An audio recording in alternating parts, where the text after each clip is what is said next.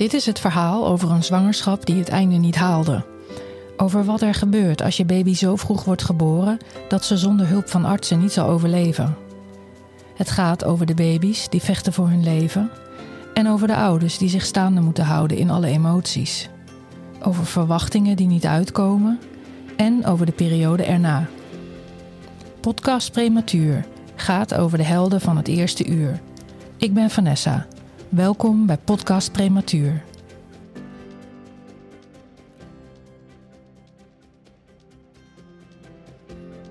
Vandaag praat ik met Melissa en met Monique. Melissa is een ervaren NICU-verpleegkundige in Isala Zwolle en doet video-interactiebegeleiding met ouders. Monique is een van die ouders die deze begeleiding kreeg nadat haar zoontje Sam in december is geboren met 29 weken.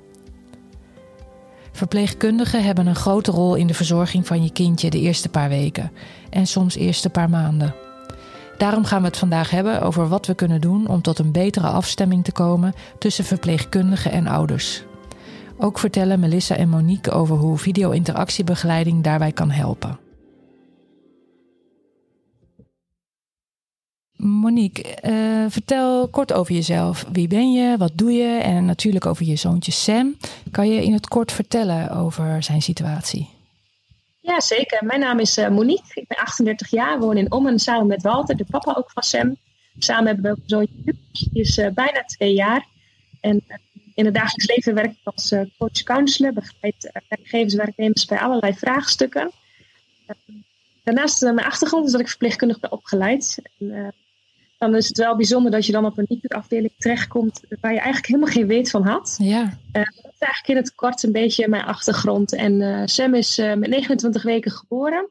Eigenlijk voelde de hele zwangerschap voelde al niet helemaal goed. Ik had het gevoel alsof ik een kater in mijn lijf had. Ik ben heel blij dat ik meer rust heb genomen. Uiteindelijk kwam ik toch met 28,5 weken in het ziekenhuis omdat het niet goed voelde en ik verloor wat bloed. En uh, ik had het gevoel dat hij eraan kwam. En uh, ben s'nachts naar het ziekenhuis gereden en werd daar heel fijn ontvangen. Sam is uh, inderdaad eh, met 29 weken en een dag geboren. Een hele snelle bevalling. In 18 minuten was hij er. Zo. ja, dat was misschien wel de meest heftige situatie die ik in mijn leven heb ervaren. Want je bent dan echt afhankelijk van de verpleegkundige die dan heel alert is en zegt: Ik denk toch dat je nu gaat bevallen. Ik denk mm -hmm. toch dat de arts gaat kijken ja, ik ben heel blij dat, uh, dat je dan uh, echt uh, kundige mensen om je heen hebt. Want als dat niet het geval is, of je zou thuis zijn, dan had Sam denk ik geen goede kans gehad. En zo heel kort, hoe, hoe is zijn, verloop, zijn verloop geweest in het ziekenhuis? Sam heeft een goede start gehad. En waar ik dacht dat ze met het afbouwen van zijn ademondersteuning te snel gingen, bleek toch dat hij een, een infectie onder zijn leden had. Hij heeft een schimmelinfectie opgelopen achteraf bij de bevalling uh, via mij. En dat is in zijn bloedbaan terechtgekomen. En, uh, ook dan weer hulp dankzij de, de, neonatologen die scherp zijn. Uh, tijdig starten met de juiste medicijnen, antischimmelmedicijnen. Om te zorgen dat het, ja, dat het niet naar zijn hersentjes trekt. Dat heeft uiteindelijk een hele lange nasleep nog gehad. -hmm. En Melissa, kan jij jezelf ook even voorstellen? Ja, ik uh, ben uh, Melissa Leerling en uh, ik ben 44 en ik woon in Zwolle en ik werk bij de Isala Kliniek en nou nu bijna 25 jaar op de afdeling neonatologie. Um, en daarnaast geef ik video-interactiebegeleiding samen met een klein clubje collega's en dat doe ik nu bijna 10 jaar. Mm -hmm. En ja, uh, sinds afgelopen jaar geef ik nu ook les op de Hogeschool Windesheim uh, als uh, flexdocent en daar geef ik communicatieve vaardigheden. Mm -hmm. En ik hoop daar binnenkort ook les te kunnen geven op mijn eigen vakgebied, zeg maar vrouw-kind. Mm -hmm. nou, dat is eigenlijk een beetje wat ik doe. Mm -hmm. En uh, video-interactiebegeleiding, wat, wat houdt dat in? Kan je vertellen en hoe lang bestaat het en vanuit welke behoeften is het ontstaan? En voor wie zet je het in? Ja, eigenlijk is video-interactiebegeleiding heel breed. Het is een landelijke uh, uh, scholing, zeg maar, waar je dat uh, vanuit krijgt. Dus het er zijn heel veel ziekenhuizen in Nederland het al gegeven. En het gaat vanuit de AIT. Um, video-interactiebegeleiding wordt niet alleen in het ziekenhuis gebruikt bij premature kinderen, maar ook bij kinderen die bijvoorbeeld overmatig huilen. En bij kinderen die bijvoorbeeld chronisch ziek zijn. Um, maar ook in andere stukken van zorg, bijvoorbeeld bij mensen met een beperking of in het onderwijs wordt het ook gebruikt. Hmm. En eigenlijk is het de bedoeling dat je door beelden, zeg maar, ehm, ja, ouders of naasten coacht. Ehm, en het is ja, veelzijdig. Je kan zeg maar um, op een paar dingen inzetten. A, zeg maar bij prematuren gaat het dan om een stukje hechting. Uh, hoe is het contact met ouders? Maar ook welke contactinitiatieven uh, geeft het kind bijvoorbeeld al? en zijn dat ontwikkelingsgerichte initiatieven die een, een prematuur al geeft? Um, want elk kind is van, wil graag contact maken. Uh, Dat is gewoon ja, wat in de natuur zo gedaan is. En, um, en je kijkt zeg maar met video-interactie naar dat soort dingen. Um, dus voor de hechting, maar ook voor de ontwikkeling van het kind. Um, en daarbij ja, zet je eigenlijk ook in op een stukje verwerking voor ouders. Um, je geeft eigenlijk mooie stukjes, uh, laat je zien vanuit een ander perspectief, zeg maar. Ouders uh, zijn eigenlijk de hele dag uh, veel aan het zorgen hè, als ze op de afdeling zijn. Mm. Zitten eigenlijk midden in de situatie. En als je video-interactiebegeleiding geeft, huizen letterlijk ook van de zaal of van de kamer af. En ga je echt naar een ruimte waarbij je de beelden terugkijkt. Mm. Um, en heb je eigenlijk een soort helikopterview ook als ouders. En ehm, wat, wat ik eigenlijk altijd het mooiste vind, is het allereerste moment als ouders zeg maar binnenkomen in de kamer waar we de beelden terugkijken en je hebt het beeld klaarstaan van, uh, van, het, van het kindje, zeg maar. Dat ouders eigenlijk gelijk al helemaal in het beeld duiken en, en uh, ja, zeggen, oh ja, wat is die klein? Of mhm. oh, het is, uh, hè, dat ze al daar emotioneel van worden. En dan moet je eigenlijk nog beginnen met het gesprek. Mm Maar ja, dat vind ik altijd een van de mooiste dingen die je dan kan teruggeven. Mm en, en het hoofddoel is echt dat je ehm, eigenlijk ouders helpt te leren zien wat voor signalen het kindje afgeeft, niet? Ja, eigenlijk is dat het belangrijkste, want um, ouders moeten daar straks ook mee verder, zeg maar, als ze uit het ziekenhuis komen. Het stukje hechting, maar het is ook bijvoorbeeld belangrijk dat je aan ouders kan laten zien uh, waar het kindje baat bij heeft. Bijvoorbeeld als je het uh, begrenst. Hè. Je leert dat natuurlijk uh, van de fysiotherapeut hè, en ook van de verpleegkundige die voor je kindje zorgen. Maar wat doet dat eigenlijk? En je laat kinderen of kinderen en ouders juist zien van um, hoe reageert hij daar dan op als je bijvoorbeeld je hand op zijn hoofdje legt en hem daarin ondersteunt? Of um, uh, hoe pas je eigenlijk het uh, ritme van je kind aan? Hè? Sommige handelingen gaan heel snel en prematuren moeten weer herstellen daarvan. En mm uh, dat doet ook iets voor die ontwikkeling. Mm hè? Dus als kinderen ontspannen zijn tijdens een handeling, bijvoorbeeld verschonen, mm dan kan je dat ook zeg maar laten zien en terugkoppelen aan ouders. Kijk, hoe, je, hoe je nu zeg maar met hem bezig bent, wat doet dat voor je kindje en waarom is dat zo belangrijk? Hmm. Want je noemt uh, de ontspanning van het kindje. Kijk, die ouder en dat kind, dat is een twee-eenheid. Dus wat doe je nou met die ouder die torenhoog in zijn stress staat? Um, ja. Omdat dat meestal, dat is de factor dat in de weg staat dat die ouder überhaupt die signalen kan opvangen, omdat dat brein dat simpelweg niet kan. Heeft die mate van stress van een ouder ook invloed op jouw keuze voor met iemand te gaan werken met video-interactiebegeleiding? Of, of heb jij of uh, is er een manier om een beetje te ontstressen? Ja, uh, ik denk uh, dat stress bij alle ouders voorkomt, zeg maar. Omdat ze gewoon allemaal wat hebben meegemaakt wat heel erg veel impact heeft gehad. Um, maar juist door te laten zien uh, hoe, hoe ze zijn in de moederrol en de vaderrol. En om die te bekrachtigen. En ook bijvoorbeeld dat, dat uh, het kind zeg maar de moeder erkent als de moeder of de vader. Of dat ze echt proberen contact te maken. Um, dat, dat is vaak het stukje ook van verwerking en van hechting. En dat je um, de rol van ouder, zeg maar, uh, benadrukt en uh, ouders in hun kracht zet als moeder en als vader. Dus dat kan je doen juist met beelden en om te laten zien van uh, dat een kind bijvoorbeeld contact wil met die moeder of met die vader en dat dat ook herkend wordt. Dat de baby ook weer terugkijkt. Waar wij in het begin ook een hele goede uitleg bij kregen hoe belangrijk het is om Sam zo ontspannen mogelijk te laten zijn door te builen, wat het effect daarop is. En uiteindelijk, um, zo hebben wij ernaar gekeken van wat heeft hij uh, nodig en wat kunnen we doen. En want de, de, stress die je als vader en moeder ervaart is ook omdat je niet zo goed weet wat het in de toekomst gaat brengen. Je hebt geen idee. dus door met elkaar en de, de begeleiding verpleegkundigen te kijken naar wat je als moeder kunt doen of als vader kunt doen, en wat het effect daarop is op je kindje, mhm. heeft bij ons ook een bepaalde spanning weggenomen. Mhm. Want je bent heel machteloos. Mhm. En kijken waar je invloed op hebt.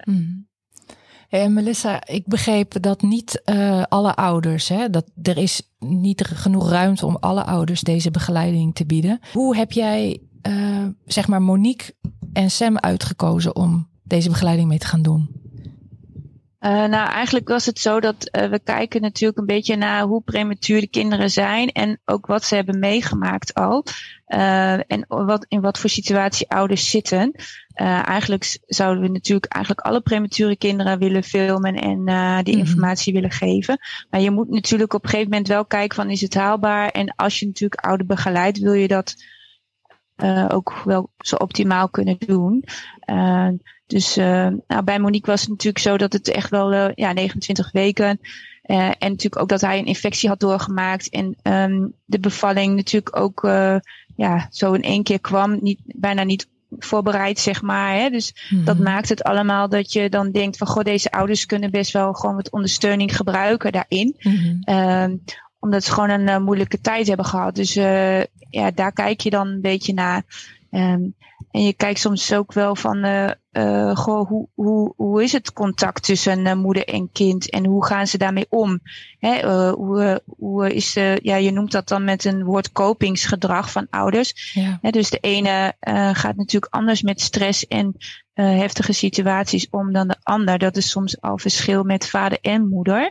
Hè, en dat denk ja, die moeten ook samen op één lijn zijn. En dat is ook wel dat je dat in de video-interactiebegeleiding ook aandacht aan besteedt. En bij Monique hebben we natuurlijk alleen uh, de beelden met moeder bekeken. Maar uh, wat ik dan ook vaak wel doe, is dat als vader en moeder bij elkaar zitten om de beelden te kijken, dat je vraagt van hey, hoe, hoe, vind, hoe vind je eigenlijk dat hoe, hoe, hoe het op beeld gaat, hè? hoe de vader- en moederrol is. En um, wat dan heel vaak mooi is, is dat vader zeg maar ook tegen moeder zegt van goh, nou, ik, vind, ik ben zo uh, trots op jou hoe je met hem omgaat en hoe je de dingen doet. En andersom ook. Dus um, ja, die complimenten naar elkaar toe, dat geeft natuurlijk ook super boost en zelfvertrouwen voor de moeder en de vaderrol. En ja, vaak worden ouders daar ook emotioneel van.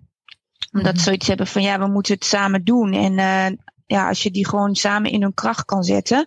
Tijdens zo'n gesprek met, met beeld van dat hun samen met z'n twee met het kindje bezig zijn met de verzorging. Ja, dat is gewoon heel bijzonder en waardevol, vind ik altijd, uh, om dat te doen. Mm -hmm. En uh, ja, en, en je kijkt ze gewoon, mensen zeggen ook altijd van ik ga anders kijken naar mijn kind nu ik weet waar ik op moet letten of wat ik uh, kan zien. Dus uh, ja. Inhakend, um, uh, soms zijn signalen van een baby hele kleine signalen. Daar ben je helemaal niet bewust van als, als moeder. Dat kun je eigenlijk alleen maar met videoanalyse heel goed in je hoofd in, inprenten. Want als je dat niet ziet, dan weet je niet zo goed waar iemand het over heeft. Ja, dus je zou wel zeggen dat er een duidelijk verschil is in hoe je naar Sam keek voor en na de begeleiding. Ja, en als ik dan kijk met de ervaringen, met de begeleiding die we hebben gehad nu, en als ik dat vergelijk met ons andere zoontje Lucas, mm daar was ik helemaal niet bewust van, van die stapjes. En kunnen jullie vertellen over hoe, de, hoe dat in zijn werk ging? De hele video-interactiebegeleiding van Sam. Nou, bij Monique was het zo dat een andere collega die uh, zorgde voor uh, Monique en Sam. En um, die zei van, goh, Melissa, ik heb een kindje, die is 29 weken geboren. En ik denk dat het goed is om video-interactiebegeleidingen te geven. heb jij daar ruimte voor? Nou, en toen op dat moment had ik wel ruimte daarvoor. Dus toen ben ik eerst ook even met Monique in gesprek gegaan en gezegd van, goh, hoe, hoe vind je dat? En uitgelegd wat het betekende. Nou, en eigenlijk Monique was gelijk wel enthousiast en die zei ook van nou, ik uh, zou dat wel heel graag willen en uh, ik vind het wel uh, heel fijn als dat kan. Hmm. En eigenlijk hebben we volgens mij diezelfde dag al gefilmd, omdat jij toen met Sam een hele dag aan het inrollen was volgens mij. Ehm, bij ons kan het op de afdeling ehm, er zijn niet veel kamers, maar kan je dus inroomen. Dan is het natuurlijk mooi dat je dan een hele dag als moeder daar bent en dan kan je ook beter die zorg plannen. dus dan film je in dit geval was het het badje van Sam. En, uh, uh, en smiddags uh, was ik ook. En toen hebben we teruggekeken in een ander kamertje. En um, heeft de verpleegkundige gewoon even Sam in de gaten gehouden. En de beelden die je dan maakt, die stuur ik dan ook naar ouders toe. Dus ja, zo, zo, is, zo gaat het dan meestal als, als we video-interactiebegeleiding geven. En um, ik vraag aan ouders ook meestal van, goh, wat heb je eraan gehad? Wat neem je mee naar het gesprek? En um, en zo heb ik zelf ook maar weer een goede terugkoppeling. Ik maak er een verslagje van, uh, zeg maar, een rapportage in het dossier van Sam, mm -hmm. uh, wat er besproken is. En uh, ja, dan ronden we het meestal af. Mm -hmm. En ik was heel verrast door de, de signalen die Sam laat zien tijdens de verzorging. want je bent eigenlijk meer aan het tutten met zo'n klein mannetje. Uh, en ik was niet heel erg bewust van uh, ja, waar ik dan ook op kon letten. Hè. Je denkt, ik moet hem eh, zorgvuldig schoon en droog maken. Ja. En, uh, wat ik met name ook heb geleerd is dat de verzorging heel rustig moet zijn. Hè. En daar gedijt hij goed op. We proberen eigenlijk ja, ouders te laten, laten bewust laten worden van het tempo van het kind. Hè? Dat je in het tempo meegaat van het kindje in plaats van het tempo van de ouder of van de verpleegkundige. Ja, dat je eerst kijkt naar uh, kan het kindje die, die snelheid van het omkleden bijvoorbeeld aan. En weet je, uh, je hebt soms even time-out nodig en kinderen geven dat aan met signalen. En als je daar, als je die ziet en kan herkennen, dan kan je gewoon veel beter uh, een ontspannen kindje hebben die zich ook goed gaat ontwikkelen als prematuur. -hmm. En wat ik hoor in de praktijk, en ik heb het natuurlijk zelf meegemaakt, dat je na de vroege geboorte nogal overrompeld bent door het hele NICU wat op je afkomt eigenlijk. Maar als je dan een beetje gewend bent aan de situatie, dan krijg je wel steeds meer de behoefte om zelf voor je kindje te gaan zorgen. En dat doen dan eigenlijk de verpleegkundigen. En uh, Monique, hoe heb jij dat ervaren, dat anderen voor je kindje zorgden? Wat, uh, wat voor mij belangrijk was, is contact maken met de verpleegkundige. Dat ik wist, hey, wie zorgen er voor Sam? Mm-hmm. En daar zie je ook verschillen in verpleegkundigen. De ene is wat makkelijker in contact dan de ander. Uh, je hebt niet met iedereen een, een goede klik. Als er dingen waren waarvan ik dacht, hé, hey, dit kan anders, dan kun je dat ook gewoon bespreekbaar maken. Mm. Ja, want Melissa, het is de vraag hè, wat verpleegkundigen meer kunnen doen in ouderbegeleiding. Ja, ik denk zoals wat Monique zegt. Uh, zij zegt van ja, ik geef het wel aan inderdaad als ik uh, als ik dingen niet anders zou willen. Maar ik denk niet dat elke ouder eigenlijk um, niet uh, die dingen durft te zeggen soms. als hij ergens niet mee eens is mm -hmm. of als hij de zorg anders zou willen. Um, omdat ik ook denk van ouders hebben vaak de indruk, hè, net als de dokter en de verpleegkundige, die zijn natuurlijk de zorgprofessionals en die zouden het dan uh, weten, zeg maar, hoe je uh, met je kindje zou moeten omgaan, die prematuur is. En, uh, maar ik denk dat ouders juist ook, net als wat Monique zegt, uh, moeten gaan zeggen wat ze zelf zouden willen bij hun kindje. En dat het heel belangrijk is, maar dat niet elke ouder dat misschien durft. Uh, of dat de drempel soms te hoog is.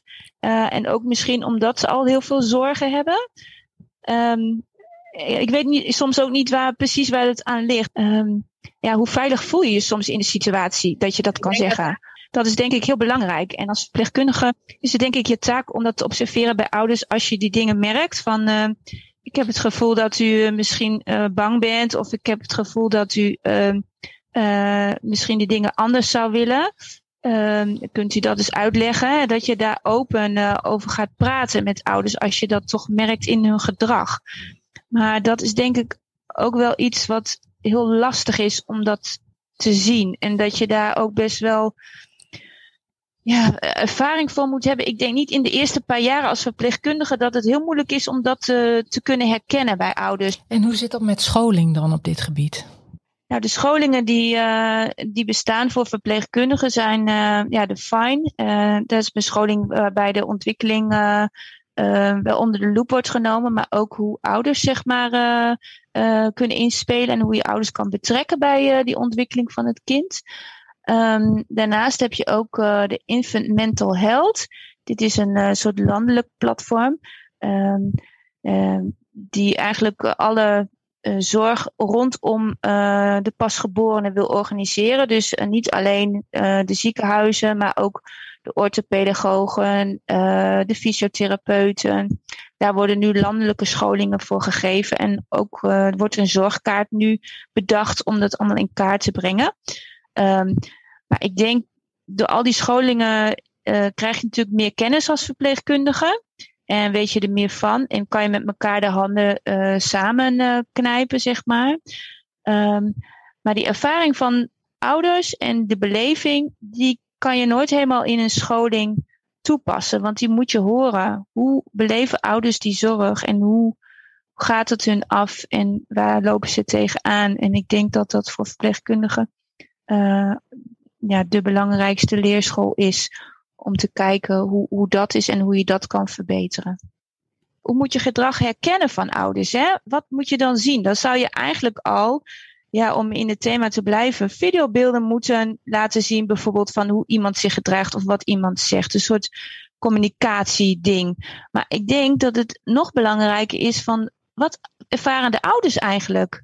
Laat die vertellen over uh, hoe ze zich voelen. Uh, in plaats van de scholingen, zeg maar. Uh, dat je kijkt vanuit de andere kant, het andere perspectief. Uh, qua stressreductie voor het kind heb je natuurlijk nitkap en het buidelen. Um, alleen er lijkt toch te weinig aandacht te zijn voor het stressniveau van ouders en het belang van het verlagen van die stress. Um, nou, in uh, aflevering 22 van de podcast sprak ik met neurobioloog Fabienne Naber. En zij legde uit dat stress in de weg staat aan een goede interactie en binding met je kindje. En dat is natuurlijk weer van belang voor de ontwikkeling van het kind. En dan uh, op welke manier?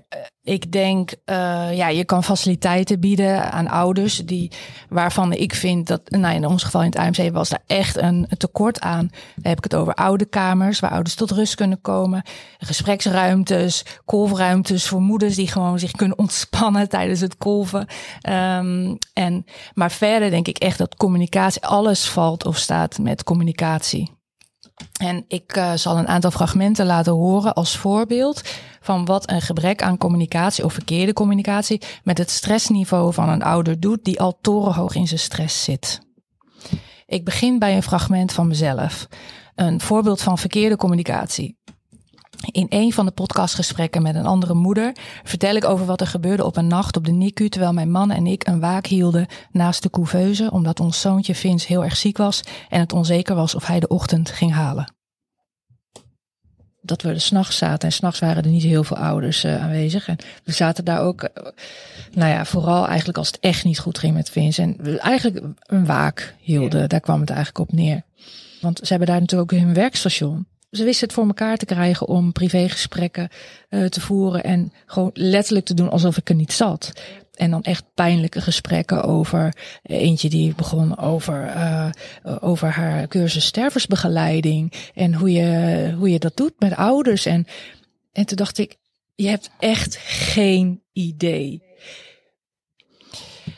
Eh, het was een heel ongelukkig moment uh, voor deze verpleegkundige om dit te bespreken. Het gaf me namelijk nog veel meer stress dan ik al had en een wanhopig en diep ongelukkig gevoel. Maar ook tegelijk een gevoel van vijandigheid en wantrouwen. De angst om Vince vervolgens te moeten laten verzorgen door onprofessioneel personeel, dat gevoel sloeg me om het hart en ben ik nooit meer kwijtgeraakt. Een ander voorbeeld van slechte communicatie is wanneer Loes en haar man vanwege overplaatsing van hun zoontje vanuit het UMCG naar het AMC daar net zijn aangekomen en voor het eerst daar op de NICU zijn. Op dat moment wordt er een EVV'er aangewezen en die uh, kwam eigenlijk naar ons toe en die zei, uh, kunnen we zo even praten? Maar echt dat je denkt, wat is er mis? Weet je wel, gaat het niet goed met mijn kind? Of die aanpak schrok best wel af. Dit is slechts een van de ervaringen waardoor Loes de cultuur van het AMC hard heeft genoemd, ook wel realistisch.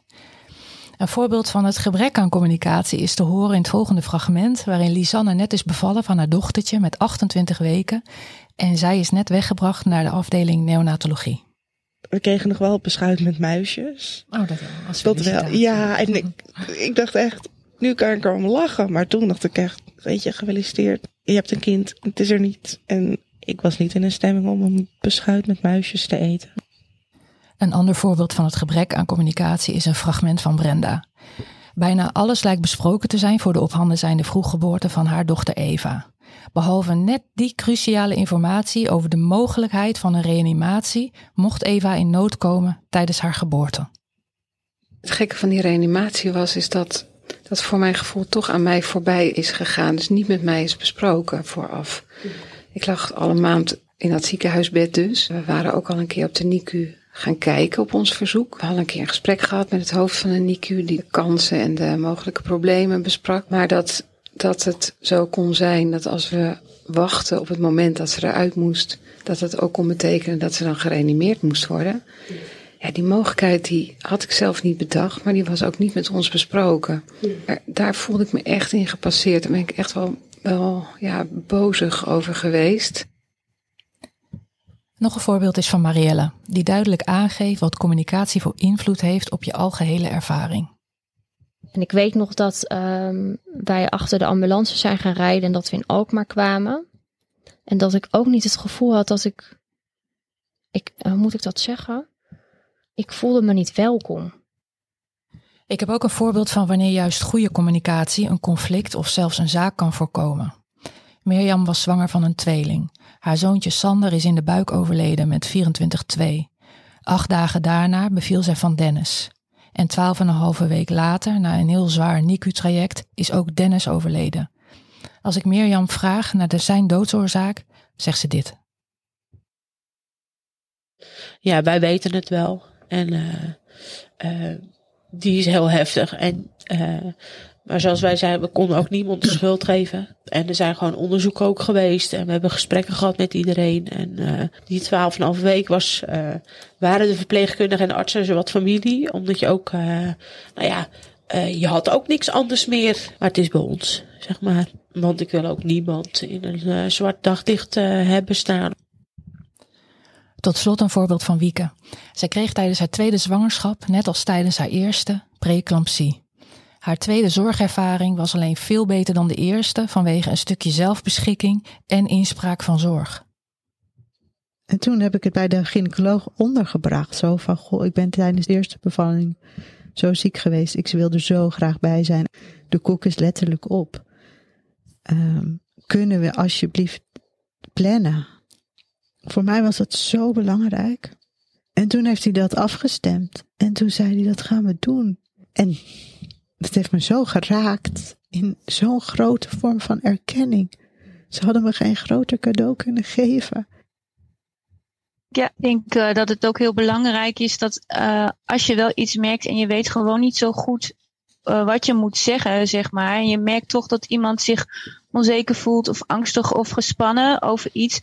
Dat je gewoon, gewoon één vraag maar hoeft te stellen aan, aan de ouder. En zegt van, ik merk gewoon dat er iets aan de hand is, maar kan je zelf eens uitleggen hoe het, hoe, hoe het nu met je is? Of wat, wat gebeurt er nu met je? Je, kan, je hebt altijd een keuze, hè. Je kan altijd zeggen van, nou ja, uh, ja, dat klopt inderdaad. Uh, want ik voel me inderdaad niet oké, zo en zo. Of, nou ja, dat klopt wel, maar ik wil het er gewoon nu even niet over hebben. Het zit me to nog te hoog. Of, ook al weet je het niet, probeer gewoon ergens een, een opening te krijgen. Het hele ziekenhuiswezen het is helemaal geprotocoleerd. Ik heb er namelijk net voorbeelden genoemd over uh, nou, bijvoorbeeld onprofessioneel gedrag. Gewoon van een NIC-verpleegkundige. Gewoon omdat er een werkstation is op een zaal waar ook ouders zitten. En ja, ze is gewoon een bepaalde grens overgegaan. En denk ik van ja, misschien moet je daar gewoon afspraken over maken. Hè? Dat, dat, dat, dat er geen privégesprekken plaatsvinden achter dat werkstation.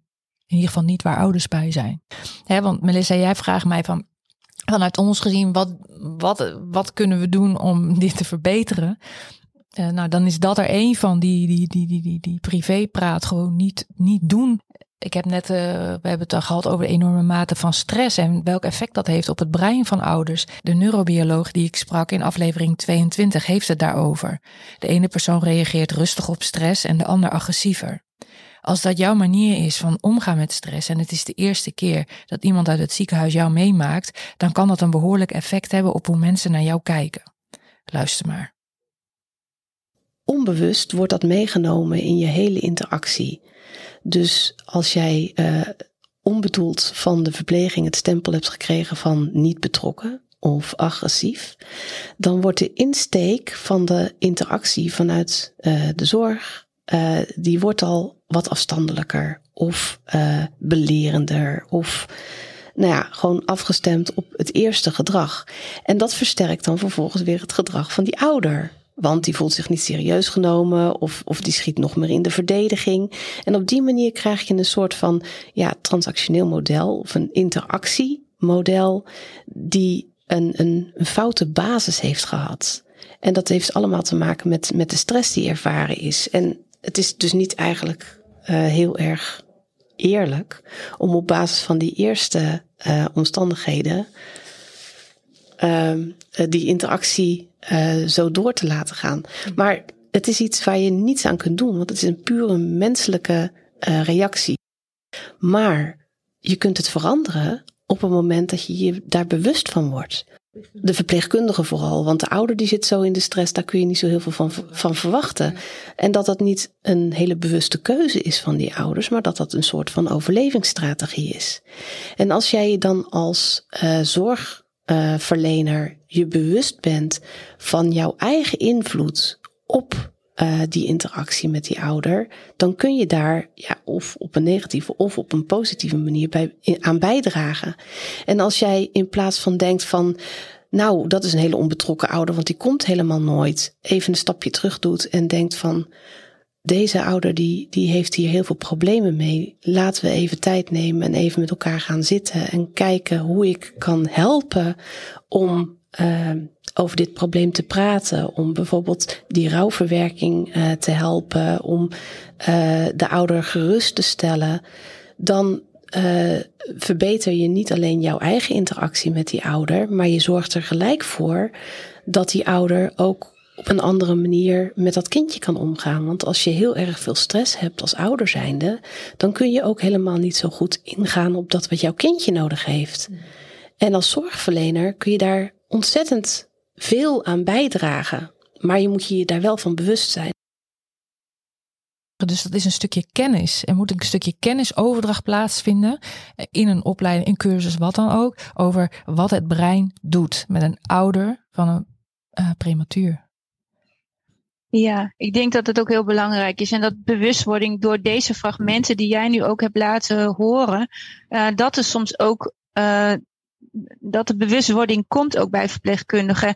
En dat op dat moment dat ze daar helemaal niet realiseren wat voor effect het heeft. Mm. Als je zoiets zegt of zoiets doet. En dat het inderdaad gewoon. Uh, ze, ze, ja, hoe moet ik dat uitleggen? Weet je, je bent inderdaad gewoon met je werk bezig en je gaat maar door en je ziet alles. En voor die ouder is het één moment. En jij hebt gewoon drie, vier kinderen waar je voor je zorgt en je gaat gewoon je dingen doen die je doet. Maar wees inderdaad bewust. Praat met mensen en zeg het gewoon ook eerlijk. En maar geef ook hun de ruimte. Ik denk dat het ook heel belangrijk is dat je ouders de ruimte geeft om hun woord te doen. Dus probeer het iedere keer open te gooien als verpleegkundige. Mm En wees je inderdaad bewust. Maar uh, als je ook ziet bij een andere collega, denk ik, want je hebt het vaak ook met andere ouders, kan je ook, denk ik, en dat is soms denk ik ook lastig, maar probeer dan feedback te geven aan die collega. Niet alleen de negatieve dingen, maar zeg ook eens een keer, maak ook een compliment naar je andere collega. Mm Van hoe je dat net met deze ouders hebt opgepakt. Mm uh, chapeau, hè? Uh, fijn dat je ze in hun kracht hebt gezet. Mm Want dat zijn hele belangrijke dingen. Hun moeten straks naar huis. Hun hebben nog een heel stuk te verwerken. En dat komt pas als je thuis bent, is onze ervaring ook. Hè? Want dan krijg je meer de rust, ben je in je eigen omgeving. En dan ga je ook bedenken, wat is, wat is er allemaal gebeurd met ons en met ons kindje. Maar deze bewustwording van deze podcast hoop ik dat dat ook voor veel verpleegkundigen toch iets gaat doen. Waar we overeen zijn dat uh, de omgeving waar het kindje eerst is in het ziekenhuis met de professionals. Weet je, die hebben een hele cruciale rol in de verzorging van je kindje en in de verzorging van je ouders. Dus, dus je bent eigenlijk een soort coach. Ja. Uh, een coachschool die heb je eigenlijk op dat moment. En de vraag is of daar de zorgprofessional al voldoende klaar voor is. Nou, dat, dat is nou precies de vraag. Um, en dan is het ook belangrijk dat dat niet uh, altijd tien verschillende mensen kunnen zijn. Ja, er, zijn natuurlijk nu wel, we zijn bezig op de afdeling met uh, uh, eerst verantwoordelijke verpleegkundigen. Hè? Dus de kinderen die er langer liggen, dat je die gewoon vaste teams geeft. Um, daar zijn we mee bezig en er is ook een nieuw protocol nu voor in de maak. En daardoor kan je zeg maar echt vaste verpleegkundigen, dat, dat de communicatie tussen die verpleegkundigen voor dat kind ook gewoon um, uh, gebundeld worden. Dus ik denk dat dat, dat, dat ook helpt. Uh, uh, en daarnaast, als je tegen dingen aanloopt van kinderen die heel lang liggen, dat je gewoon bijvoorbeeld maatschappelijk werk kan consulteren. En dat je zegt van joh, uh, we lopen nu ergens vast met deze ouders uh, met naar huis toe gaan. Hè, dat ze bijvoorbeeld dingen zouden willen uh, die misschien wel of niet mogelijk zijn. Hè? Met zondevoeding naar huis of met uh, zuurstof. Van hoe gaan we dat allemaal organiseren? En dat je dan zeg maar ook um, supervisie kan krijgen van hoe ga je dit met ouders bespreken? en, en hoe vindt iedereen dat dat gaat? En dat je dan als verpleegkundige samen um, daar een plannetje op maakt. En dan hoor ik vaak bijvoorbeeld uh, dat, nou ja, dat de hele basale verzorgings, eerste verzorgingshandelingen, uh, dat daaraan voorbij wordt gegaan. Dat dat eigenlijk uh, moeder eigen is om dat te doen voor je kindje. En hoe belangrijk dat eigenlijk is voor zo'n kindje. En dan heb ik het over eerste badje geven. eerste eigen kleertjes die moeder heeft uitgekozen, kindje aandoen. Ik bedoel, er zijn voorbeelden van mijn eigen voorbeeld. Ik heb het eerste badje van mijn kind gemist. Uh, gewoon omdat uh, ja, er moest snel gehandeld worden. Nou ja, snel. Mijn man die zegt nu nog hoezo snel. Hij zat alleen maar onder de poep. Uh, wij waren acht minuten lopen verwijderd van de afdeling. Hadden ze niet even kunnen bellen. Hè, dan, dat zijn hele belangrijke dingen die heel lang blijven, kunnen blijven hangen bij je moeder. Mijn eerste keer badje gemist. Nou, of een ander voorbeeld van een moeder die komt de afdeling op en die zit ineens de kind liggen in kleren van het ziekenhuis. De eerste kleertjes. En ik snap wel dat als jij een hele drukke verpleegkundige bent, je moet lijstjes afwerken, je pieper gaat af en je zorgt voor twee of drie kindjes tegelijk. Weet je? Ik, ik zie dat wel. Alleen toch moet daar meer bewustwording van komen dat ook dat soort dingen heel erg belangrijk zijn. Want het geeft een moeder het gevoel alsof ze misbaar is. Maar een moeder is onmisbaar. En dat, dat soort dingen aan haar overlaten geeft haar dat gevoel. Ja, ik denk dat het heel belangrijk is. Nou, weet je, wij proberen dat altijd wel in onze dossiers te zetten. Eerst de badjes en ook bijvoorbeeld uh, de monitor, die bijvoorbeeld uh, gestopt kan worden. Juist. Dat is ook vaak een heel belangrijk ding. Dus uh, ik geef dan ook altijd aan aan ouders van, je mag hem ook zelf uitdrukken. Zou je dat mhm. willen?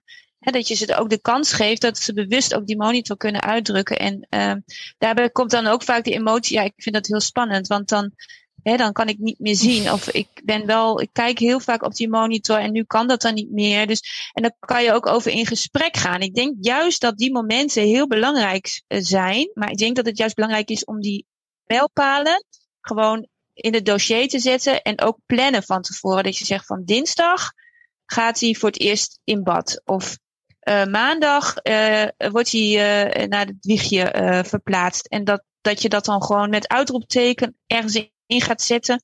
En dat ook samen met ouders plant. Maar dat bedoel ik eigenlijk ook met naast elkaar in de zorg staan. In plaats van de zorgverlener beslist iets en doet iets. Uh, maar vraag, wat wil de ouder? En dat je naast elkaar gaat staan in de zorg en dat je partners bent. En met uh, monitor uitdoen. Um, soms is het ook zo dat als de monitor aan is en uh, ouders zijn er, dat ze soms heel vaak op de monitor kijken. En wat wij dan nog wel eens voorstellen is van, joh, um, is het een idee om de monitor op privacy te zetten. Uh, en dan zie je gewoon een zwart scherm met alleen de klok erop. En als er wel een alarm gaat, dan krijgen wij die zeg maar wel door op onze pieper.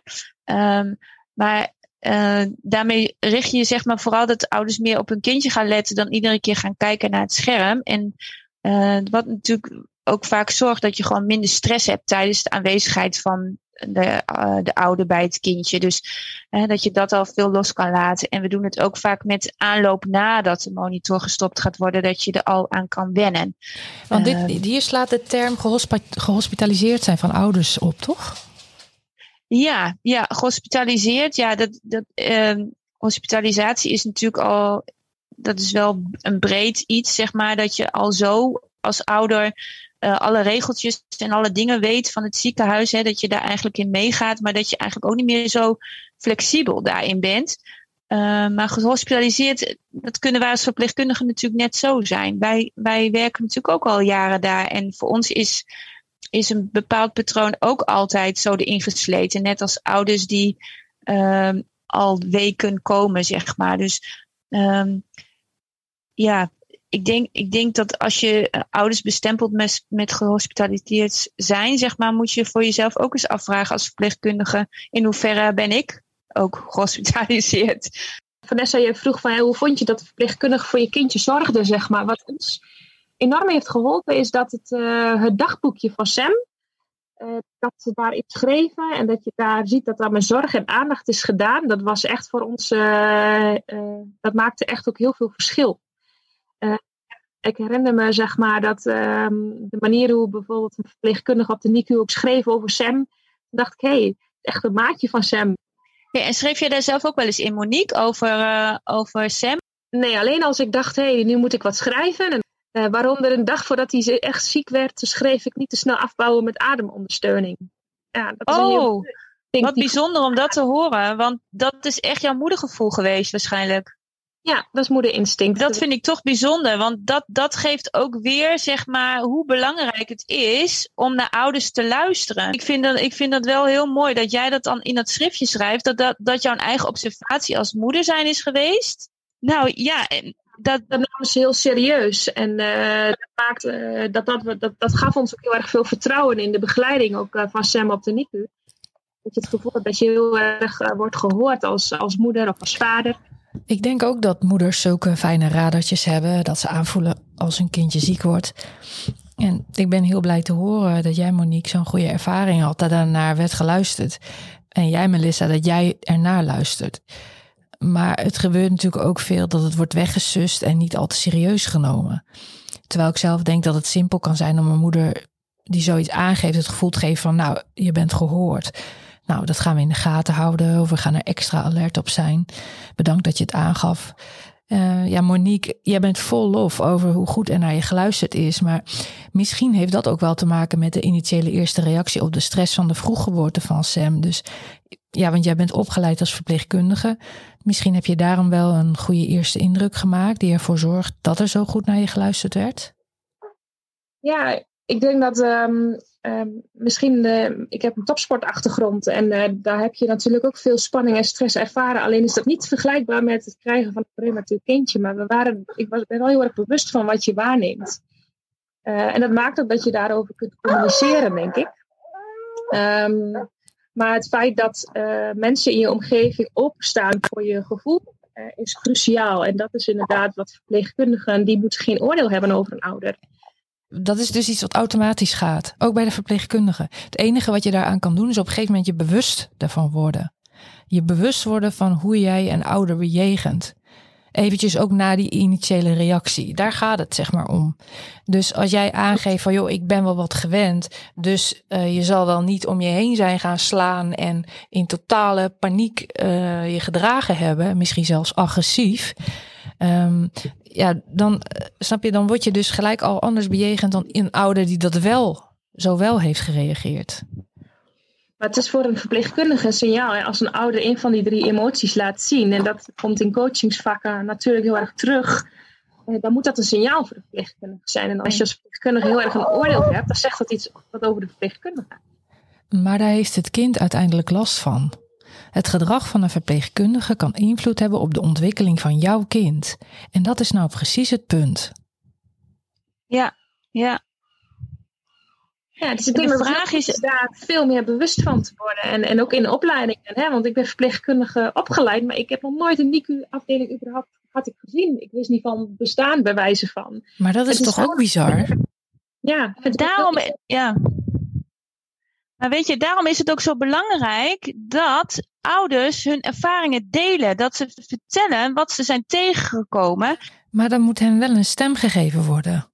Ja, en dat doe jij, Vanessa. Jij geeft deze ouders een stem, maar ook wetenschappers die hierover hebben. Maar voor mij is het belangrijker dat ik denk van, als je deze dingen kan herkennen als verpleegkundige, die gedrag, uh, dat gedrag bij die ouder. En als het zo belangrijk is voor de rest van de opname, uh, hoe komt het dan dat de ene verpleegkundige gaat hier wel wat mee doen en beschrijft dit? En de andere verpleegkundige niet. En die laat het voorbij gaan en die richt zich gewoon op de zorg. Ja, daar kan jij beter een antwoord op geven. Uh, je wil eigenlijk verwachten dat elke verpleegkundige dit kan. Maar ik denk dat iedere verpleegkundige ook zijn eigen proces en ontwikkeling heeft. En dat is ook goed. Ja. En ja. daar moet je afstemmen en aansluiten. En uh, ik denk dat dat een stukje persoonlijke ontwikkeling is in je eigen vakgebied, wat een leven lang uh, ook doorgaat. Ja, maar ik denk dat, dat, het, dat dit zo belangrijk is dat dit gewoon in, een, in de basis moet zitten. En ik denk ook dat jij dat bedoelt, Vanessa, van hoe komt het dan dat, dit niet, uh, dat deze kennis er niet is? Ik, ik denk wel dat, dat verpleegkundigen zich realiseren van oké, die reactie kan komen door stress inderdaad. Hè? En, en de ene uh, ouder die reageert op deze manier, hè? Oh, die, die, die vechten voor, de andere die vluchten voor inderdaad. Um, maar we moeten allemaal wat met die emotie. En welke emotie dat dan ook is, dat maakt niet uit. Uh, maar weet hoe je ermee om moet gaan of wat je ermee kan. En uh, ik denk dat het nog belangrijker is dat je ook dat gaat beschrijven. Zodat andere collega's die daarna weer voor deze moeder gaan zorgen. En die nieuw zijn en weer komen en kennis gaan maken. Die hebben een hele andere indruk natuurlijk van deze ouder. Ja. Omdat bijvoorbeeld dat stressniveau op dat moment laag is. He, dus die komt een hele andere ouder tegen dan die collega die ervoor was. Maar denk je niet dat dat beschrijven van de ouder in het dossier de volgende verpleegkundige niet op een bepaalde manier beïnvloedt? Het is de taak van de verpleegkundige om dat zo neutraal mogelijk op te schrijven. Het gedrag observeren uh, en het eventuele gesprek uh, beschrijven in het rapport. Um, uh, maar dat, ja, het is niet aan de volgende verpleegkundige om dat daarin mee te nemen. Wat er vaak gebeurt is dat je zeg maar als ouders gewoon veel stress hebben of gewoon uh, ja, moeite, hoe moet ik dat zeggen? Of dat ze als lastig bestempeld worden. Dan zeggen ze vaak van joh, we moeten duidelijk afspraken maken met deze ouders. Die moeten beschreven worden, zodat iedereen hetzelfde doet. Hè? Uh, bijvoorbeeld, uh, ouders willen zelf graag de kleertjes aandoen als het vies is. Of elke maandag is het badje. En dat je zoveel mogelijk structuur erin brengt. En dat ook vaste verpleegkundigen op worden gezet. Dus dan krijg je gewoon een vast team met verpleegkundigen. Uh, die voor dit kind en deze ouders zorgt. En dan kan je ook veel beter die zorg organiseren. Op een neonatologie heb je een verpleegkundige op drie. Die zijn minder ziek, maar je hebt ook drie paar ouders. Mm-hmm. Dus je moet ook meer switchen. Je moet constant afstemmen. Mm-hmm. Bij die ouder moet je dit, bij die ouder moet je dat. Deze hebben dit is hun eerste kind, dit is hun derde kind. Uh, dit is een prematuur met een infectie. Dit is een kind met uh, een bloeding in het hoofdje. Je moet constant schakelen en, en uh, bedenken van oké, okay, ik heb nu deze ouders voor me met dit kind. Want vijf minuten later weet je van de andere ouders van het andere kindje komen ook. Dus je moet je constant aanpassen. En dat is ook je werk. Maar dan eigenlijk zou je dan toch alle ouders hetzelfde kunnen behandelen. Gewoon open in de communicatie en met respect. Maar dat is ook wat je, wat, je, wat je vak is, wat je werk is. Dat is nou het hele punt. Dat je iedereen gelijk moet behandelen en niet tegen de ene ouder zo doen en tegen de andere ouder zo. Als je iedereen, tegen iedereen gewoon met respect uh, omgaat, dan wordt dat gewaardeerd door zowel een ouder met heel veel stress als een ouder zonder heel veel stress. Een ouder met een ziek kind of een redelijk, uh, wat, wat redelijk gaat. Snap je wat ik bedoel? elkaar altijd. Hè? Dat is heel mooi. De, de, het IJsbergmodel is daar een heel mooi uh, voorbeeld van. Dat is een uh, model. Uh, maar je, of je het nou wil of niet, on, onbewust beïnvloed je elkaar. En daar moet je als verpleegkundige heel bewust van zijn. Tot slot, wat zouden jullie ouders van prematuren mee willen geven? Ja, het geven van moedermelk is heel belangrijk. Uh, wanneer het kan, probeer dat echt vol te houden. want het moederlichaam is soms heel bijzonder. Wat ik ouders mee zou geven is, ehm, vertel als je zorgen hebt probeer dat. En als het bij de ene verpleegkundige niet lukt, probeer het dan bij iemand anders te doen waar je wel goed gevoel bij hebt. Nou, dank jullie wel. Een gesprek met een NICU-verpleegkundige en een moeder. Het zou een gesprek zijn voor mij dat symbool staat voor de worsteling die ik heb doorgemaakt aan mijn blootstelling aan hospitalisatie. Een term die ik trouwens pas sinds kort voor het eerst heb gehoord, maar waar ik me wel gelijk in kon vinden. Want wat was ik gehospitaliseerd? De eerste week in shock, de tweede week in de war en de overige 4,5 maand in volle medische focus. Dat kon ook niet anders, want ik draaide dubbele diensten in moederschap slash verpleegkundige. Het stugge en stroeve milieu van het medische beleid van het ziekenhuis, het ongemak in de communicatie met artsen, soms onbegrip, soms wantrouwen en de moeilijkheid van het overlaten van de zorg van mijn kindje aan vaak erg jonge en onervaren NICU-verpleegkundige. Ik vond het moeilijk om de controle los te laten, eigenlijk onmogelijk, en het maakte me doodongelukkig. Protocol hier, protocol daar, begrijpelijk, maar ik miste de mens achter die protocollen. Tuurlijk schemerde hier en daar een stukje mens in een arts door, en die momenten zijn me nog altijd bijgebleven. En inderdaad, met de een klikt het gewoon beter dan met de ander. De chirurgische verpleegkundige in het AMC gaf me wat ik nodig had. Een taak die me het gevoel gaf van nut te zijn: verzorging. Ik was er druk mee en de tijd ging sneller voorbij. Uiteindelijk heb ik me gelukkig door het medische web van emotieloze hectiek heen geworsteld en heb eindelijk mijn rust weer hervonden. Als je me zou vragen naar de beste NICU-omstandigheden, zou ik zeggen, zoals in het LUMC, waarbij kindjes op een eigen kamer liggen, zonder geluidjes en stress van andere kindjes, waar moeders naast de couveuse kunnen kolven in een kolfstoel.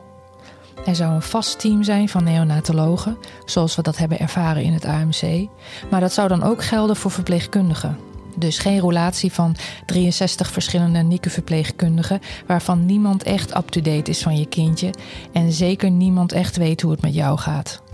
Een vast team dat natuurlijk rouleert vanwege alle diensten, maar wel waarin alle leden dus up-to-date zijn en waar jij een vertrouwensband mee kan opbouwen elke kamer een eigen kolf, toegang tot een lactatiekundige en onafhankelijke psycholoog. Fatsoenlijke gesprekskamers met computers waarop scans en foto's aan je als ouder getoond kunnen worden. En niet ver van de afdeling vandaan een woonkamer waar je even kan zitten, wat kan drinken en als je wilt kan praten met andere ouders.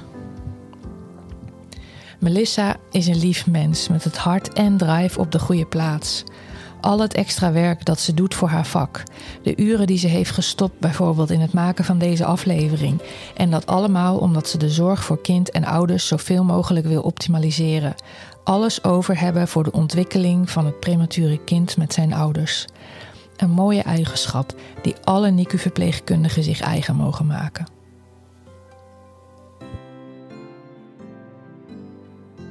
Podcast Prematuur over de helden van het eerste uur Gemaakt door mij, mama van zo'n held.